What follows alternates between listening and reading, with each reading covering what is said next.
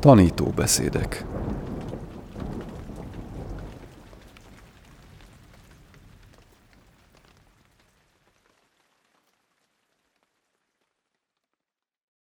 Kedves hallgatók! Nyánaponika Téró művéből, a buddhista meditáció szívéből hallhatják az éberség és tiszta tudatosság névre hallgató második fejezet második részét, amelynek címe a tiszta tudatosság. Fordította Pressing Lajos, felolvassa Bodó Ferenc. Minden kedves hallgatónak kellemes rádiózást kívánunk. A tiszta tudatosság.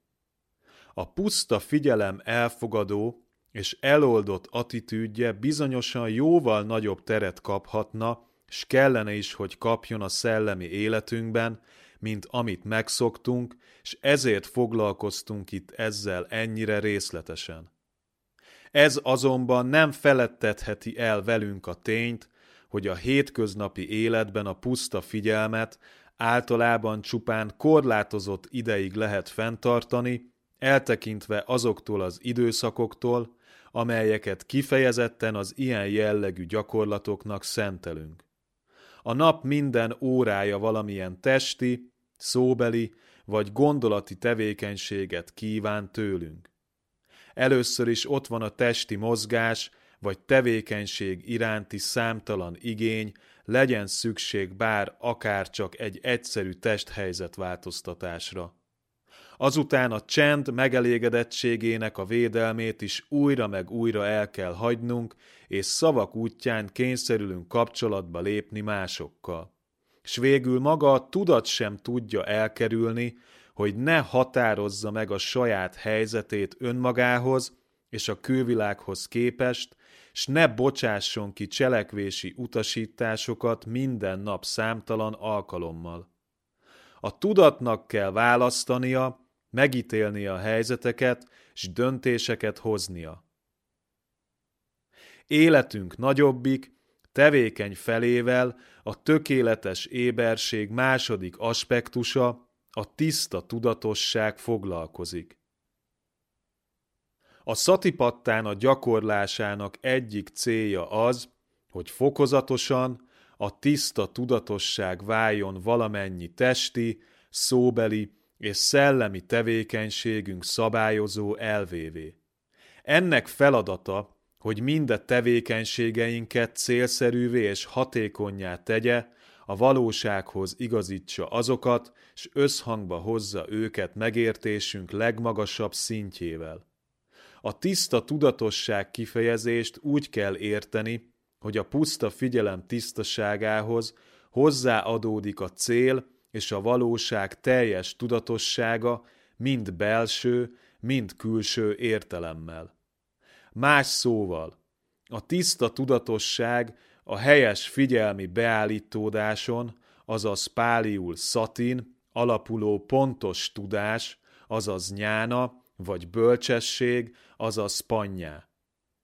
Bár maga a beszéd csak a tett és a szó tiszta tudatosságáról szól, s ennek megfelelően a tiszta tudatossággal a test szemléléséről szóló fejezetben foglalkozik, magától értetődik, hogy cselekvéseink harmadik kapuját, a gondolkodásunkat is a tiszta tudatosság ellenőrzése alá kell vonnunk.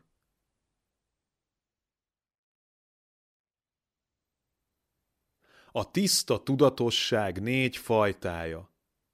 A buddhista hagyomány, amely a buddha beszédeihez írott kommentárokban ölt testet, a tiszta tudatosság négy fajtáját különbözteti meg.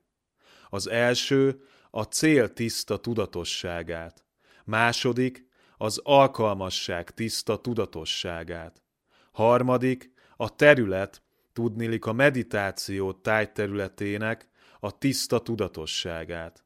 És a negyedik, a valóság, szó szerint a hamis tudattól való mentesség tiszta tudatosságát. A tiszta tudatosság első fajtája, a cél tiszta tudatossága. A tiszta tudatosságnak ez az első fajtája feltételezi, hogy mielőtt cselekednénk, mindig feltesszük magunknak a kérdést, vajon a szándékunkban álló tett valóban összhangban van-e saját céljainkkal, törekvéseinkkel és eszményeinkkel, vagyis hogy valóban célszerű-e az adott cselekvés, akár a szűkebb gyakorlati értelemben, akár az eszményeinket tekintve. Amennyiben ez még nem volna megszokott a számunkra, a puszta figyelem gyakorlásán keresztül megtanulhatjuk, hogyan iktassunk be szünetet a cselekvéseink elé, hogy a kérdést még kellő időben feltehessük magunknak. Egyesek azt gondolhatnák, hogy a célirányos cselekvést nem szükséges külön tanulmány vagy gyakorlás tárgyává tenniük, hiszen mint értelmes lények amúgy is eleve racionálisan, vagyis célszerűen cselekszenek. Azonban még ha az éberség útjának végső céljától el is tekintünk, akkor is be kell látnunk, hogy az ember egyáltalán nem viselkedik mindig racionálisan, még olyankor sem, amikor a szeme előtt meglehetősen szűkkörű, alapjaiban önös és materialista cél lebeg. Az ember nagyon gyakran megfeledkezik a céljairól, programjáról és elveiről, olykor még egészen nyilvánvaló előnyöket is elszalaszt, s mindezt nem csak kapkodása vagy szenvedélyei miatt, hanem sokszor csupán pillanatnyi szeszélyének, gyermekes kíváncsiságának vagy a lustaságának engedve. Ilyen és egyéb másodlagos okok következtében az emberek gyakran terelődnek olyan irányokba, amelyek meglehetősen különböznek a saját életcéljaiktól és valódi érdekeiktől. Annak a számtalan benyomásnak a hatása alatt, amely a külső és belső sokaság világából állandóan ránk zúdul, teljesen érthető, sőt a legtöbbünk számára bizonyos fokig elkerülhetetlen, hogy olykor-olykor eltérülünk életünk fő irányától.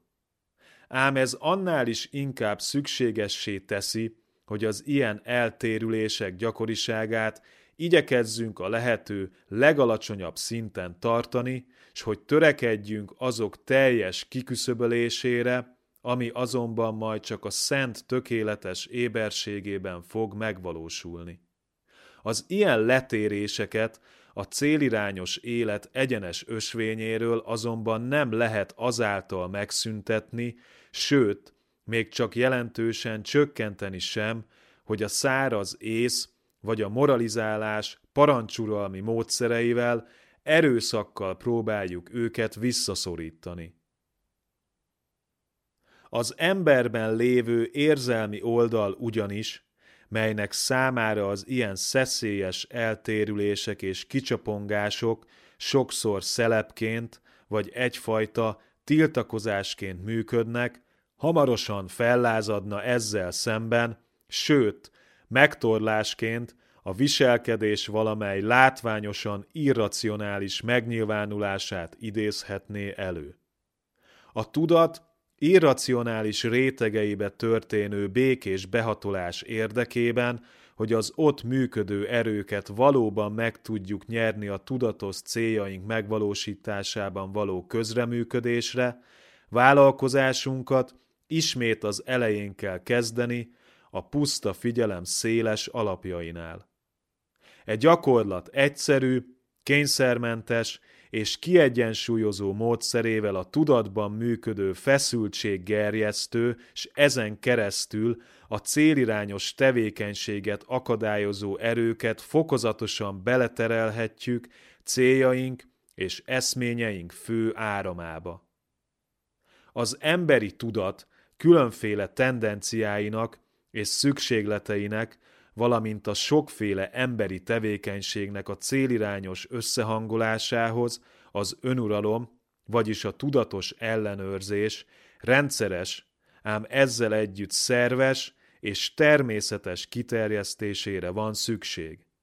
Csak is ilyen módon érhetjük el érzelmeink egyre fokozottabb kiegyensúlyozottságát, s jellemünk általános stabilitását és összhangját, melytől immár alapvetően idegen lesz minden önkény és szeszély, nem is beszélve a viselkedés látványos irracionalitásairól és önpusztító hajlamairól. A puszta figyelem kényszerítéstől mentes módszere jelenti az ilyen önuralomnak, vagyis az érzékek és a tudat ellenőrzésének biztos alapját. A megállni és gondolkodni szokásának erősítésével ez teremti meg a cél tiszta tudatossága számára a lehetőséget, hogy működésbe jöjjön, s a tények torzításmentes megjelenítésével ez látja el a tiszta tudatosságot, megbízható nyersanyaggal döntései meghozatalához.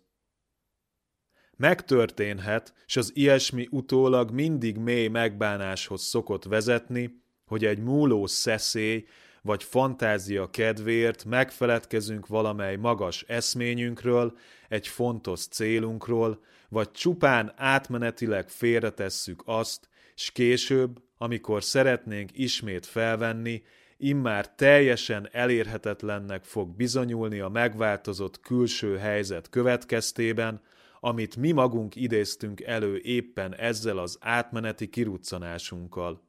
Az is előfordulhat, hogy a cél vagy az eszmény azok miatt a belső átalakulások miatt válik elérhetetlenné, amelyeket ugyancsak a saját magatartásunk idézett elő. Kevesebb okunk lesz az elszalasztott alkalmakon sajnálkozni, ha kiműveljük magunkban a cél tiszta tudatosságát egészen addig, amíg az mélyen a természetünké nem válik. Ha viszont valaki ahhoz szokik hozzá, hogy engedjen minden szeszélyének, s hagyja magát könnyen eltéríteni a saját céljaitól, akkor ez fokozatosan alássa benne az olyan tulajdonságokat, mint amilyen az energia, kitartás, összpontosítás, hűség, míg végüle vonások olyan mértékig legyengülhetnek benne, hogy immár képtelenek lesznek nem csak az eredeti cél megvalósítására, de még arra is, hogy e célt igazán méltányolják. Ilyenkor gyakran megtörténik, hogy az illető eszményei, vallási meggyőződései, sőt még a hétköznapi céljai és ambíciói is az érintett személy számára szinte észrevétlenül üres héjá változnak át, amit már csak puszta megszokásból hurcol magával. E néhány megjegyzés talán elegendő annak megmutatásához, mi sürgető szükség van céltudatosságunk erősítésére és hatósugarának kiterjesztésére a cselekvéseinkben. Ezt a cél tiszta tudatosságának állandó gyakorlásával érhetjük el. Mindennek a negatív működése abban áll, hogy ellene hat a tetteinkben, szavainkban és gondolatainkban jelentkező szétszórtságnak, rendezetlenségnek és céltalanságnak, ami az emberi tevékenység túlságosan is nagy részét uralja. Pozitív hatása pedig az, hogy összpontosítja az ember szétszórt energiáit, s alkalmas eszközt formál azokból az élet feletti uralom megszerzéséhez.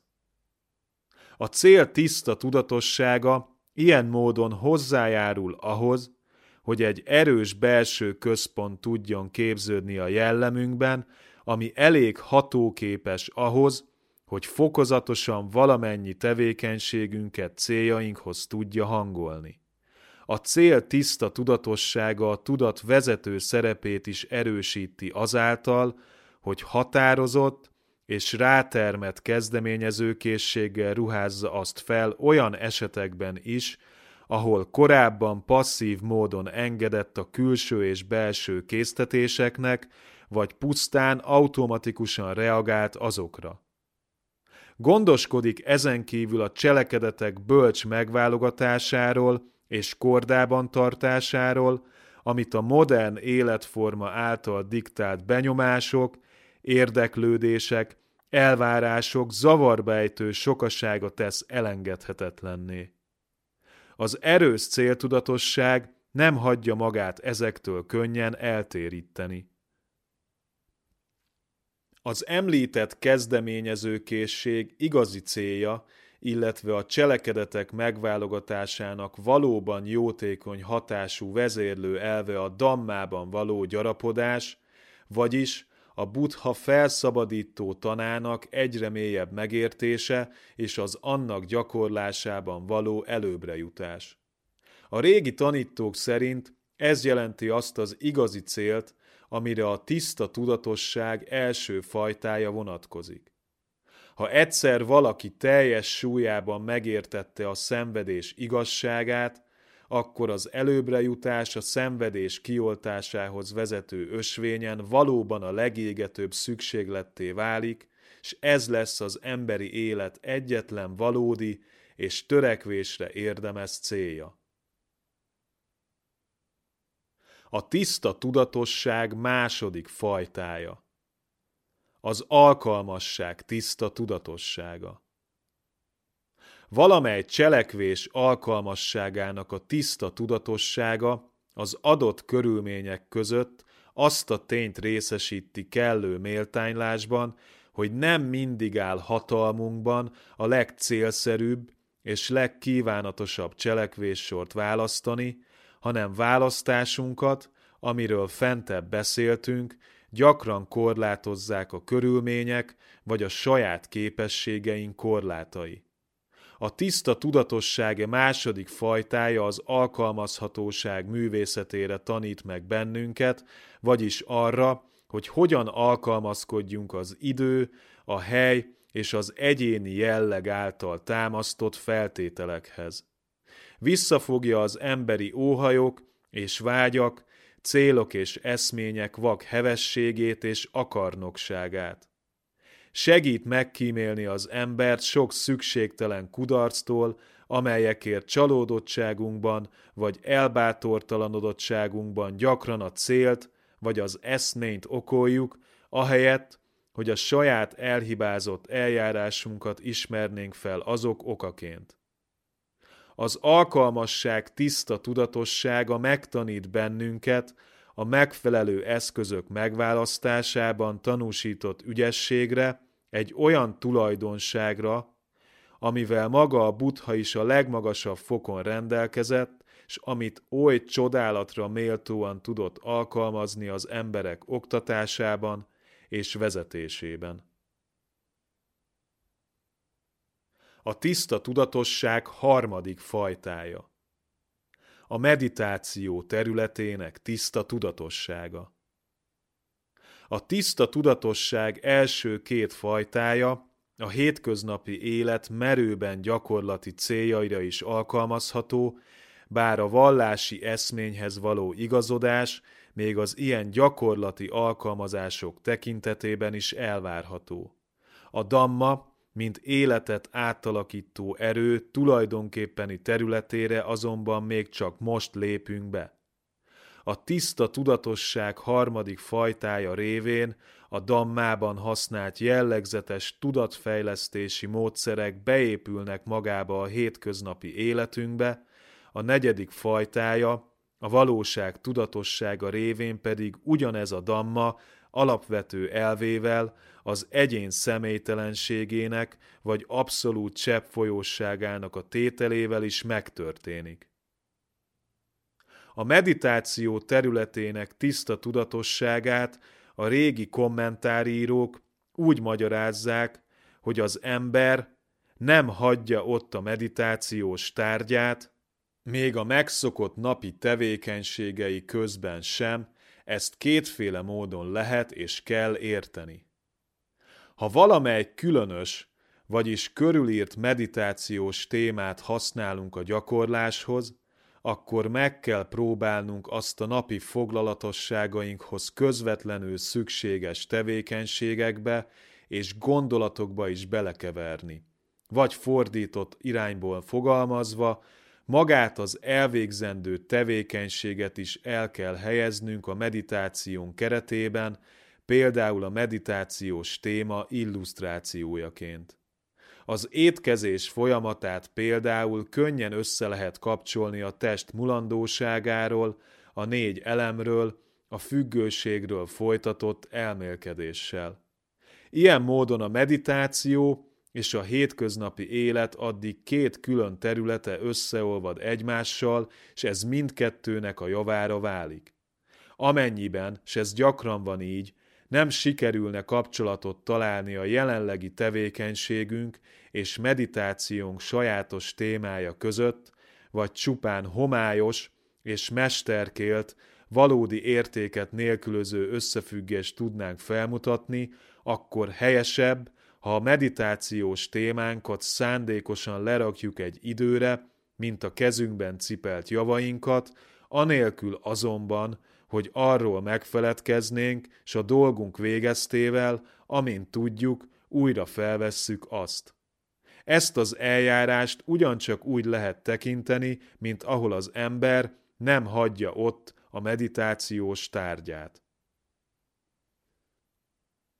Ha azonban az ember meditációs gyakorlata az általános éberség az itt ismertetett értelemben, akkor sohasem kerülhet olyan helyzetbe, ahol félre kellene tennie a meditációs témáját, hiszen az valójában mindent magába foglalhat. A tökéletes éberség gyakorlatának lépésről lépésre magába kell olvasztania a test, a beszéd és a tudat minden tevékenységét, úgy, hogy végül aztán már az ember sohasem fogja elhagyni meditációs témáját. Hogy valakinek milyen messzire sikerül eljutnia ebben, az tudatának az egyes eseményekben való jelenlététől, valamint a szorgalmas gyakorlás növekvő szokás formáló erejétől függ. E módszer követőjének arra kell törekednie, hogy az élete váljon egyé a szellemi gyakorlatával, gyakorlata pedig váljon eleven életté. A tökéletes éberség gyakorlásának területe nem vonható meg merev határokkal. Birodalma állandóan növekszik, az élet egyre újabb területeit olvasztva magába. A mester, a szatipattána módszer mindent magába ölelő tájterületére utalt, amikor egyszer ezt mondotta. Melyik ó szerzetesek, a szerzetes területe a legsajátabb atyai birtoka? Nos, az éberség e négy alapzata az. Ezért, aki a módszer gyakorolja, annak mindig meg kell kérdeznie magától Sántidéva szavaival. Az éppen adott körülmények között hogyan gyakorolható az éberség? Aki nem felejti el ezt a kérdést állandóan feltenni magának, és aztán ennek megfelelően is cselekszik, arról elmondható, hogy rendelkezik a tökéletes éberség területének tiszta tudatosságával.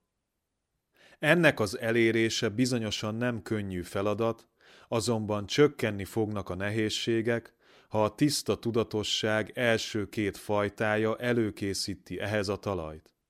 A cél tiszta tudatossága révén a tudat szert tesz egy bizonyos fokú szilárdságra és alakító erőre, ami nélkülözhetetlen ahhoz, hogy a hétköznapi életünket bele tudjuk olvasztani gyakorlásunk területébe. Az alkalmasság tiszta tudatossága pedig a szellemi hajlékonyság és alkalmazkodó képesség kiegészítő tulajdonságait segít kifejleszteni.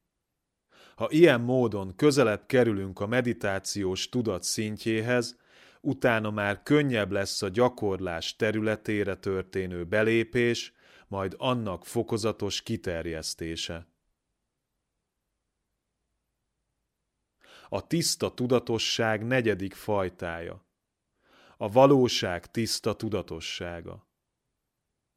A valóság szó szerint a hamis tudattól való mentesség, tiszta tudatossága, a realitás kendőzetlen tudatosításának tiszta fényével eltávolítja az emberből annak legmélyebben gyökerező és legmakacsabb rögeszméjét az énben, lélekben, vagy bárhogyan jellemzett, örökkévaló szubstanciában való hitét. Ez a téveszme, a belőle fakadó sóvár vágyjal és gyűlölettel együtt jelenti annak a létkeréknek vagy szenvedés forgatagnak az igazi hajtóerejét, amelyhez, akár egy kínzó eszközhöz, hozzá vannak kötve a lények, hogy azon újra meg újra összetörjenek. A valóság tiszta tudatossága annak a felismerésnek a jelenlétét és tisztaságát jelenti, hogy a tiszta tudatosság első három fajtája által végrehajtott működésekben, vagy azok mögött nincs semmiféle benne rejlő személyiség, én, önmagam, lélek, vagy bármiféle hasonló szubstancia. A meditálónak itt kell szembenéznie a legerősebb belső ellenállással, mert az emberi gondolkodás e legnagyobb teljesítményével, a buddha anattá tanításával szemben makacs ellenállás támaszt az én és az enyém fogalmaiban történő gondolkodás és cselekvés világunkkal egyidős szokása, valamint az önérvényesítés formájában megnyilvánuló élni akarás hatalmas ösztönereje. A fő nehézség nem annyira az anattátan elméleti megértésében és elfogadásában rejlik, mint inkább annak türelmes, ismételt és állandó alkalmazásában a gondolkodás és a cselekvés sajátos eseteire. A tiszta tudatosság negyedik, hamis tudattól mentes fajtájának éppen e nehézség leküzdésében áll a maga sajátos feladata, s e feladathoz a tiszta tudatosság másik három fajtájának a segítsége is életbevágóan fontos. A mélyen gyökerező, önközpontú gondolkodási szokások és énes ösztönök hatalma csak azáltal törhető meg, szorítható vissza és küszöbölhető ki, ha újra meg újra gyakoroljuk magunkat az adott pillanatban felmerülő gondolatok és érzések pusztán személytelen folyamatokként történő szemléletében. Itt rövid kitérőként helyén való néhány szót szólni a személytelenség igazságának érzelmi tónusáról is, miután oly gyakran ítélik azt meg hibásan. A személytelenség tényének a feltárása történjen bár az akár elmélkedéssel, akár a puszta figyelem módszeres gyakorlásának az eredményeképpen, önmagában véve bizonyosan épp oly tiszta és érzelemmentes, mint a kutató tudós attitűdje azonban a tökéletesen felülemelkedett szentet kivéve mégis lehet ennek az emberben érzelmi visszacsapása is, mint ahogyan ez a tudományos kutatás cáfolhatatlan eredményeivel kapcsolatban is megtörténhet.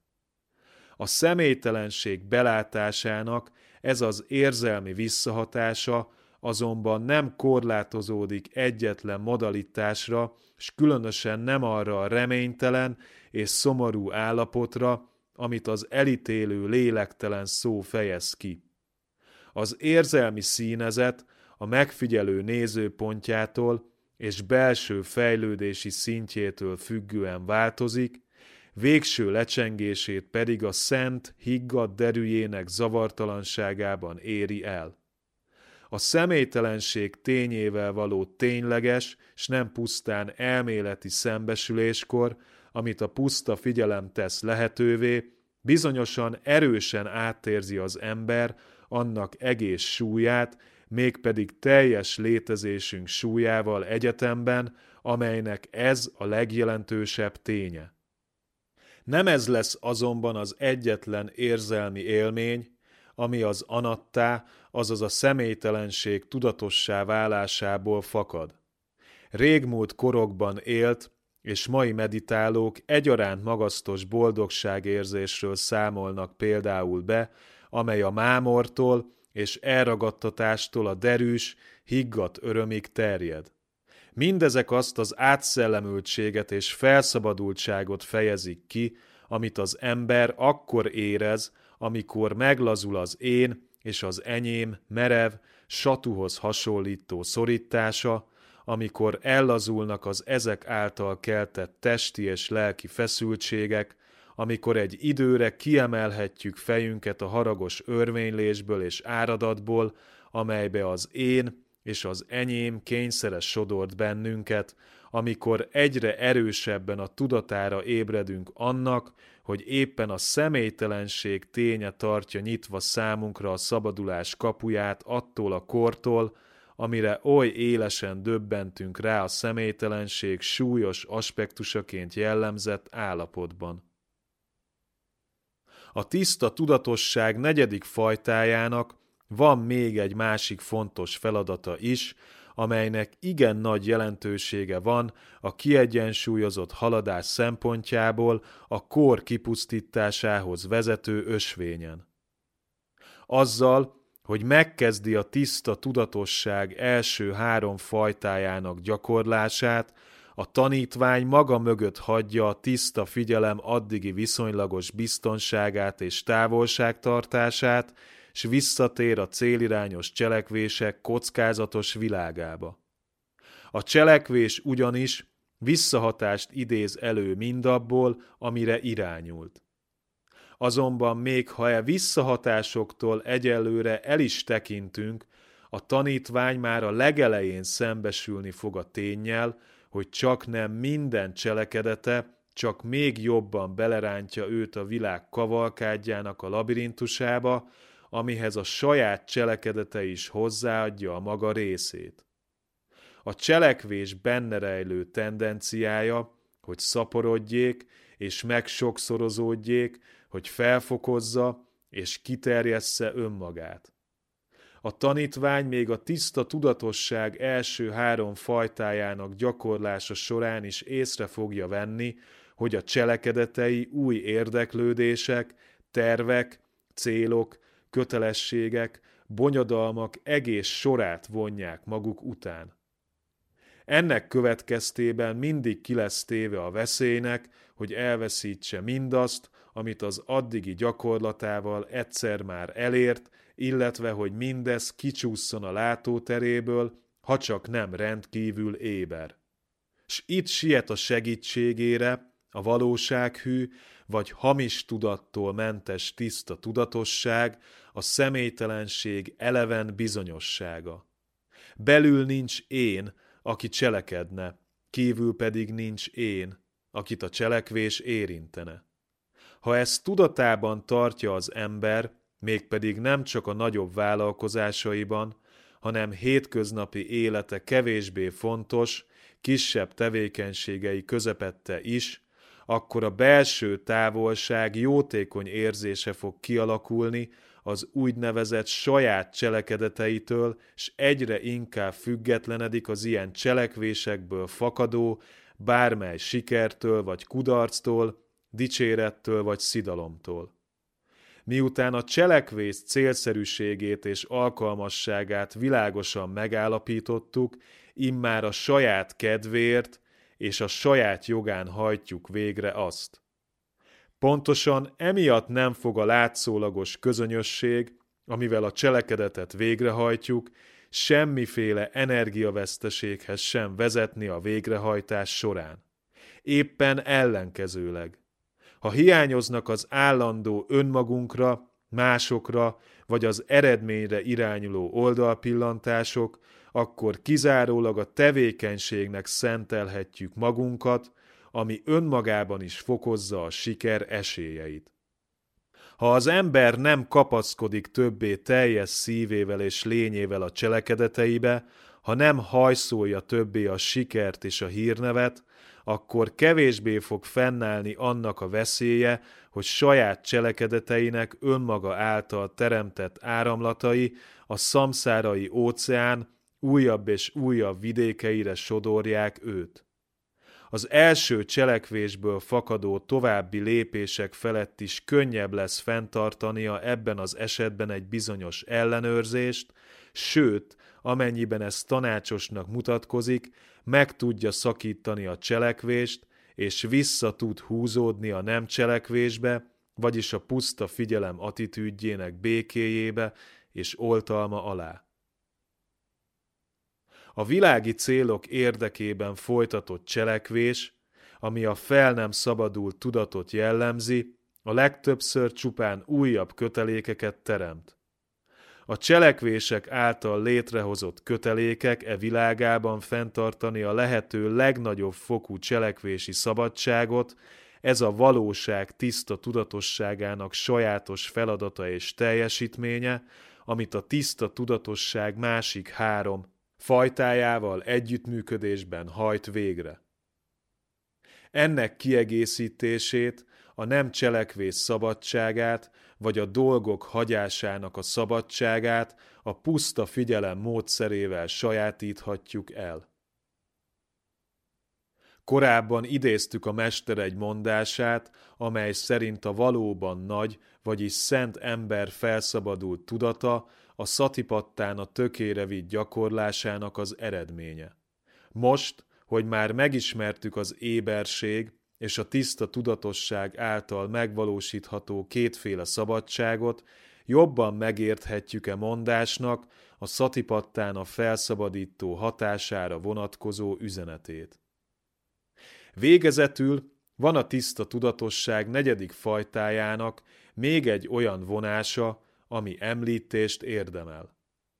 A valóság tiszta tudatossága révén az élet tevékeny részét is át fogja itatni a személytelenség valóban forradalmi gondolata, ami a buddha középponti, a szenvedésből való megszabadulás szempontjából legdöntőbb tanítása. Ennek befolyását ezért nem volna szerencsés arra a néhány órára korlátozni, ami a világi kötelességek közepette, elmélkedés és meditáció céljára az embernek rendelkezésére áll. Életünk rövid.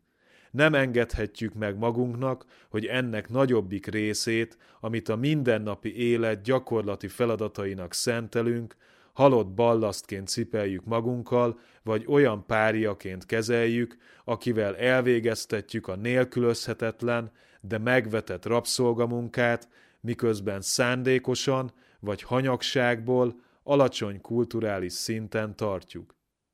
Nem engedhetjük meg magunknak, hogy életünke hatalmas szektorát kihasználatlanul és ellenőrizetlenül hagyjuk, hagyva, hogy a legtöbb gondolatunk érzelmünk és cselekedetünk önkényesen kóboroljon, gyakran saját magunknak okozva kárt. Még ha el is tekintünk attól, hogy a szatipattán a módszer alapvető elve életünknek és a szellemi gyakorlatunknak az összeolvasztása, életünk rövid tartama önmagában is parancsoló szükségszerűségé teszi, hogy annak minden pillanatát az általa kínált lehetőségeknek megfelelően, sőt, még a leghétköznapig tevékenységeket is úgy, ahogy vannak, felhasználjuk a szabadulás művének a megvalósításához. A valóság tiszta tudatossága végzi el életünknek e felszabadító tudással történő áttitatását, különös tekintettel a személytelenség közvetlen megtapasztalására. Tibeti bölcsesség Elengedhetetlen egy olyan meditációs rendszer, ami létrehozza a tudat bármire történő összpontosításának a képességét. Elengedhetetlen egy olyan életmód, amely képessé tesz bennünket arra, hogy minden tevékenységet az ösvény eszközeként hasznosítsunk. Nos, a szatipattána éppen egy ilyen meditációs rendszer, és éppen egy ilyen életmód.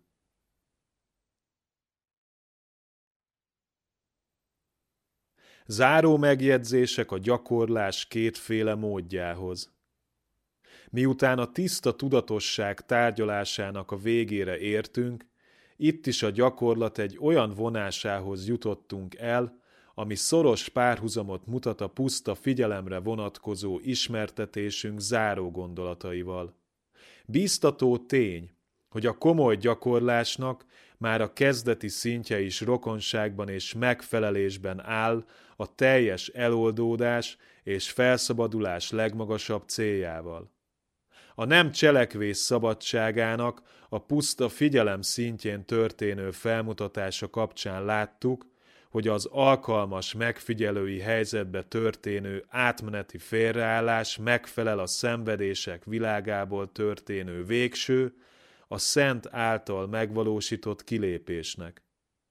A tiszta tudatosság szintjén főleg annak negyedik fajtája, a bármely cselekvés vonatkozásában egyre fokozódó felülemelkedettség feleltethető meg a szent tökéletes cselekvésének, amely bár önmagában véve célirányos, mégis teljesen önzetlen és mentes minden ragaszkodástól. Bár a világ jó cselekedetként észleli azt, a szentre vonatkozóan nincs semmiféle karmikus következménye, s nem kényszeríti őt egy új létesülésbe. A tiszta tudatossággal végrehajtott cselekvés felülemelkedettsége mértékében és a karmikus belebonyolódottságot csökkentő működése értelmében a szent e tökéletes cselekvésének a közelítéseként fogható fel. A gyakorlás két módja, az éberség, azaz puszta figyelem, és a tiszta tudatosság segítik és kiegészítik egymást. A puszta figyelem iskolájában elsajátított nagyfokú éberség és önfegyelem jelentősen megkönnyíti számunkra, hogy a cselekedeteinket és a szavainkat a tiszta tudatosság irányítása alá helyezzük, s ne a helyzetekre adott önkéntelen reakciók, szenvedélyeink sodrása vagy csalóka ábrándképek tereljék azokat. A tiszta tudatosság viszont több teret és alkalmasabb légkört teremt a puszta figyelem gyakorlásához, elcsitítva és ellenőrzése alá vonva a célokat hajszoló cselekvések és a nyugtalan gondolatok világát. A puszta figyelem szolgáltatja azokat a gondosan és szenvedélymentesen megszűrt tényeket, amelyekre a tiszta tudatosságú cselekvés a döntéseit, a tiszta tudatosságú gondolkodás pedig a következtetéseit biztonsággal alapozhatja. A puszta figyelem szűri ki azokat a téves elgondolásokat és hibás értékeket, amelyeket vakon ráerőszakoltunk a puszta tényekre. A tiszta tudatosság cseréli ki azután ezeket a dammából származó, kritikusan megvizsgált elgondolásokra és igazi értékekre. A puszta figyelem fokozza az emberi tudat fogékonyságát, s finomítja annak érzékenységét. A tiszta tudatosság pedig a tevékenyen alakító és teremtő energiákat vezeti és erősíti. A puszta figyelem gondoskodik az intuíció gyarapodásáról, megőrzéséről és finomításáról, ami az inspiráció és a megújulás oly nélkülözhetetlen forrása a cselekvés és a racionális gondolkodás világában. A tiszta tudatosság viszont, mint tevékeny és ösztönző erő, arról gondoskodik, hogy a tudat tökéletes eszközzé váljon a kiegyensúlyozott fejlődés és a végső felszabadulás megvalósításának kemény feladatához. Egyszer mind a szenvedő emberiség érdekében végzett önzetlen munkára is kiképez bennünket, ellátva bennünket a bölcsesség éles szemével és a biztos kezű jártassággal, amelyek ugyanolyan nélkülözhetetlenek egy ilyesfajta szolgálathoz, mint a meleg szív. A tiszta tudatosságot azt teszi alkalmassá egy ilyen kiképzésre, hogy kitűnő iskoláztatást nyújt a tudat számára a célirányos, körültekintő és önzetlen cselekvés területén. A szatipattána tehát a maga kétféle aspektusának teljességében a befogadás és az aktivitás tökéletes egyensúlyát hozza létre az emberi tudatban. Ez is a buddha középútjának egyfajta megnyilatkozása a tökéletes éberség területén. Tisztelt hallgatók! Az éberség és tiszta tudatosság névre hallgató második fejezet második részét hallhatták Nyánaponika Téró, Szatipattána, a buddhista meditáció szíve című könyvéből. Fordította Pressing Lajos, felolvasta Bodó Ferenc.